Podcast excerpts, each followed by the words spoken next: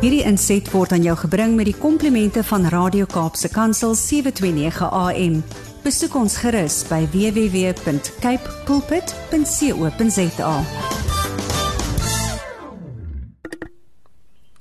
Goeiemôre luisteraars en baie welkom by nog 'n episode van Geestesgesondheid net hier op Radio Kansel en Radio Kaapse Kansel. My naam is Gerda Kriel, ek is 'n kliniese sielkundige van Somerset West en dit is baie ongelooflike voorreg om vandag weer met jou saam te kuier oor alles wat ons geestesgesondheid behels.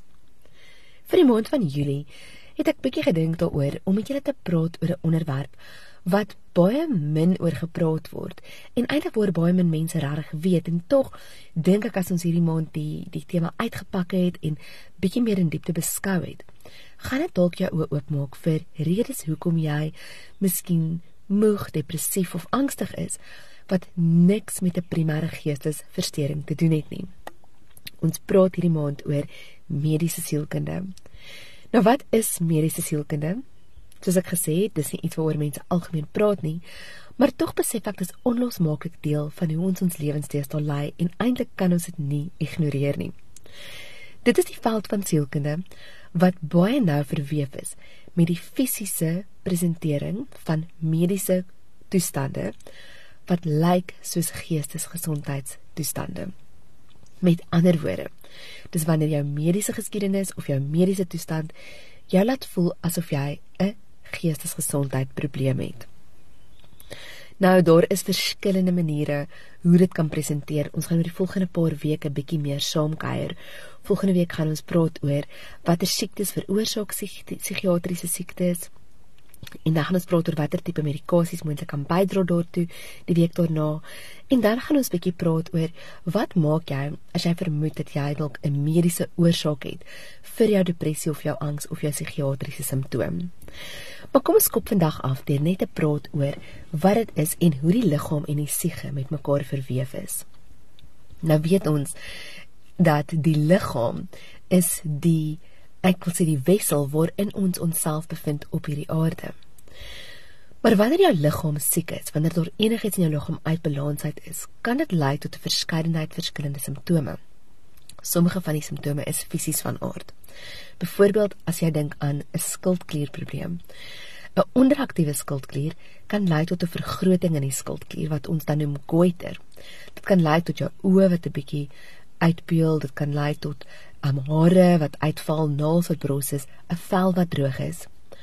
En dit kan lei tot die ervaring van depressie. Omdat ons liggaamsstelsel so nou verweef is, kan ons nie meer langer een deel van die liggaam behandel en die ander deel ignoreer nie.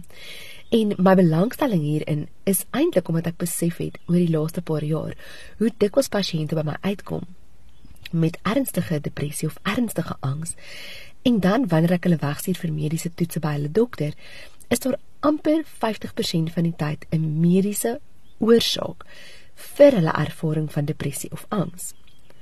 Jy sien die liggaam is belangrik vir ons siege. Die liggaam is die die is amper soos die ek wil sê dis die huis waarin ons bly, reg? Maar as daar iets in hierdie huis nie reg is nie, byvoorbeeld daar's 'n vitamientekort of daar is inflammasie in hierdie huis of ek wil sê daar is 'n 'n 'n tipe vorm van 'n siekte wat spesifiek presenteer, soos diabetes of 'n hartvaskiekte. Dan het dit 'n impak op ons siege omdat ons liggaamsstelsels so nou met mekaar verweef is. Goed. Kom ons gaan weer terug aan die voorbeeld toe van die skildklier. As jou skildklier wat verantwoordelik is vir jou metabolisme onderaktief is, dan gaan die metabooliese prosesse in jou hele liggaam stadiger word so ook die metabolisme van jou neurochemikalieë. Maar omdat jou metabolisme ook dit is wat jou energie gee, gaan jou energie laag wees. Lae energie, 'n verstadigde metabolisme van medikasie en van jou neurochemikalieë gaan maak dat jou brein stadiger begin voel. Jy gaan nie so skerp wees nie.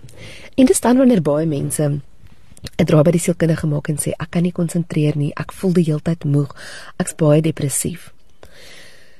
Nou as daar 'n neurochemiese afwyking in die brein is, baie mense praat van hulle sal sê hulle het 'n chemiese depressie. Nou wat hulle daarmee bedoel is gewoonlik hulle het antidepressante nodig om hulle depressie te behandel. Maar daar is soveel ander chemiese prosesse wat in die liggaam plaasvind wat ook tot die simptome van depressie kan lei of tot die simptome van angs kan kan lei. As ons nou weer teruggaan na die skildklier voorbeeld toe.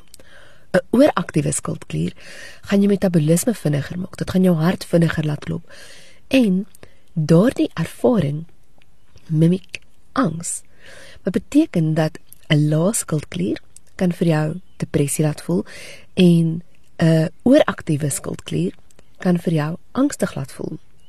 Dis interessant, reg? Nou, wanneer ons liggame in 'n toestand van inflammasie is, dan verbrand dit deur een van die belangrikste ensieme wat gebruik word om die neurotransmitter serotonien te maak. Nou, die neurooordragstof serotonien ken ons al, dit is in al wat 'n tydskrif is. Daar is artikels oor hoe om jou serotonien natuurlik te verhoog en hoekom serotonien belangrik is. Maar hier is die groot geheim. Serotonien is nie net in jou brein nie. Serotonien is in jou hele hele liggaam. En wat ons ook weet, is dat wanneer daardie ensiem wat ons noem 5-HTP verbrand word om serotonien te maak, voel ons baie goed. Maar wanneer daar inflammasie in die lyf is, dan gebruik die inflammasie tot 'n mate daardie 5-HTP amper asof dit brandstof is om die inflammasie aan die gang te hou.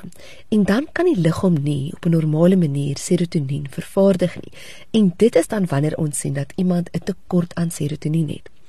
Nou luisteraars, in vandag se dag en lewe is inflammasie een van die grootste siektes van ons tyd. Verskeie mense het inflammasie op verskillende plekke en ons sien dit veral in jou meer outoimmuun siektes. So lupus, um jou tipe van al jou outoimmuun siektes, ek wil nou sê jou veelvuldige sklerose het 'n inflammatoriese proses. Um diabetes het 'n inflammatoriese proses. Inflammasie is swaalf oral. En vir baie lank tyd het ons dit nie verstaan nie en ek moet eerlik wees dat die mediese fakulteit is nou eers besig om regtig inflammasie goed te probeer verstaan of goed te begin verstaan. En en van tevore was daar ek bedoel nie so lank terug nie, selfs toe ek opgelei was, was daar 'n groot fokus op die skei van die liggaam en die siege. Maar nou besef ons dat dit is intrinsiek met mekaar geskakel. As jou liggaam siek is, is daar baie groot waarskynlikheid dat jou siege daaroor ook gaan swaar kry. Nou, die siege en die liggaam word aan mekaar verbind deur die brein. Die brein wat vir die liggaam sekere seine stuur. Ek dink soms dat as ons net regtig sal luister na die seine wat ons liggaam stuur en ons liggaam met respek sal hanteer en, en optree op 'n manier wat ons liggaam eer, sal ons dalk selfs vinniger van siekte herstel. Ek weet nie of jy soos ek is nie, maar ek is geneig om as ek 'n verkoue of 'n griep te kry, deur te trek en aan te hou werk. Ek neem nie sommer tyd af wanneer ek siek is nie. En gewoonlik voel ek dit ook. Ek voel dit nie net aan my liggaam nie, maar ek voel dit ook aan my gemoed. Ek voel baie korter van draad, ek voel moer, my gedagtes is baie meer te neergedruk. Ek voel net nie gemotiveerd nie, ek voel asof ek altyd so sleg gaan voel. Maar wanneer die siekte verby is, dan voel ek altyd beter. Ek het al baie gewonder of dit nie ete tot my voordeel sal wees om net 'n gefokusde dag of twee te neem om te rus en te herstel en op daardie manier net net my fisiese gesondheid te beskerm nie, maar ook my geestesgesondheid. Jy sien wanneer ons fisies siek is en ons begin simptome van depressie of angs voel, maar ons identifiseer dit nie as deel van die fisiese siekte nie. Dan kan ons 'n selfnarratief kweek wat sê, "Wat is fout met my?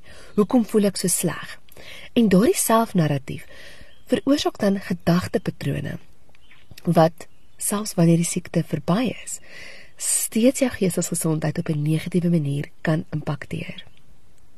Luisteraars, dit is so so belangrik dat ons daarop let om ons gedagtewêreld te beskerm.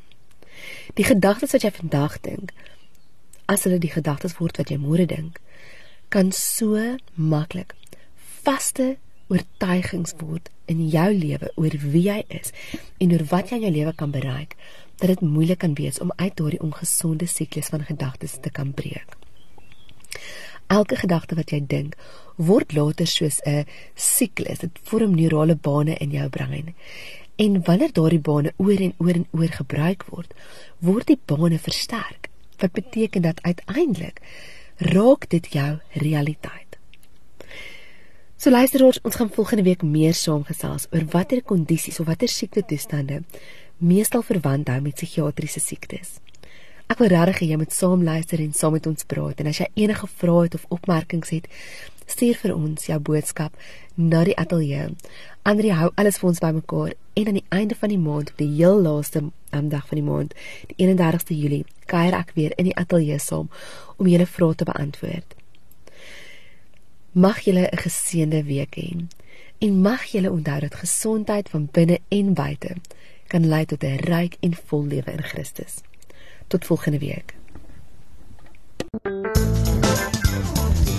Hierdie inset was aan jou gebring met die komplimente van Radio Kaapse Kansel 729 AM.